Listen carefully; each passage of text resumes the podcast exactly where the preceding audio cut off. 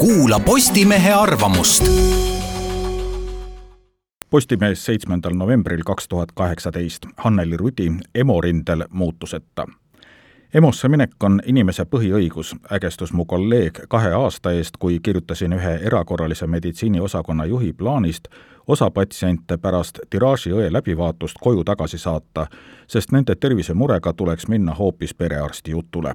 mu kolleeg ei olnud ainus, keda see idee marru ajas. ettepaneku tegijat tabas üldrahvalik pahameele torm ja ma imestasin, et ta pärast seda oma ametit maha ei pannud õigupoolest polnud arsti kurtmine põhjendamatult EMO-sse tulevate patsientide rohkuse üle juba toona mingi uudis, sest korra, kui mitte paar, kirjutatakse sellest igal aastal.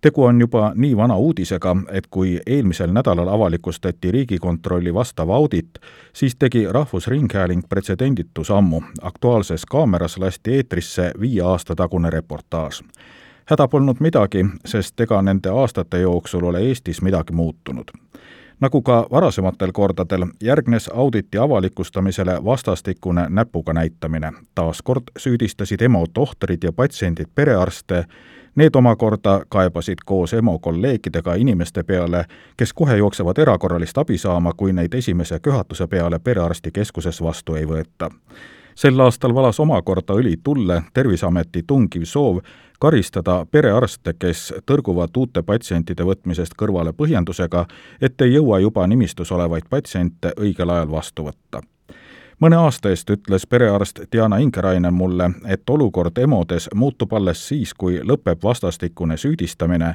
ning suurhaiglad ja perearstid lepivad omavahel kokku, milliste tervisemuredega inimesi EMO-s vastu võetakse ja kes saadetakse tagasi. ja sellest kokkuleppest peetakse ka kinni, rõhutas ta seni seda tehtud pole ning EMO-d jätkavad mugavusteenusena tegutsemist. inimesel on mugav sinna minna, sest iga, ka kõige lihtsama tervisemurega saab eriarsti jutule, oodates kõigest tunde, mitte päevi või kuid. perearstile on EMO tõeline kullaauk, kuhu saab edasi suunata kõik need, kellega ei viitsi või ei taha tegeleda, aga ka need patsiendid, kelle seisund võiks kuude kaupa hädavajalikke uuringuid või eriarsti vastuvõttu oodates halveneda kuigi avalikult pole seda siiani veel keegi välja öelnud, on kohe kindlasti praeguse olukorra jätkumine kasulik ka haiglatele, sest miks muidu keelati Eesti ühes suuremas EMO-s arstil patsiente tagasi saata, kui ta ei soovinud teha pereõe tööd. Muide, küsisin ekstra Sotsiaalministeeriumist järele, nii võib teha, nagu võib ka põhjendamatu vastuvõtu eest patsiendile arve esitada nii et kuni EMO uksed on kõigile tulijatele avali, ei muutu midagi. ainus häda on see, et niigi napp eriarstiabiks mõeldud raha põleb ereda leegiga ja ravivea tekkimise oht on suur, sest ülekoormatud arstidel pole tõelistele abivajajatele aega.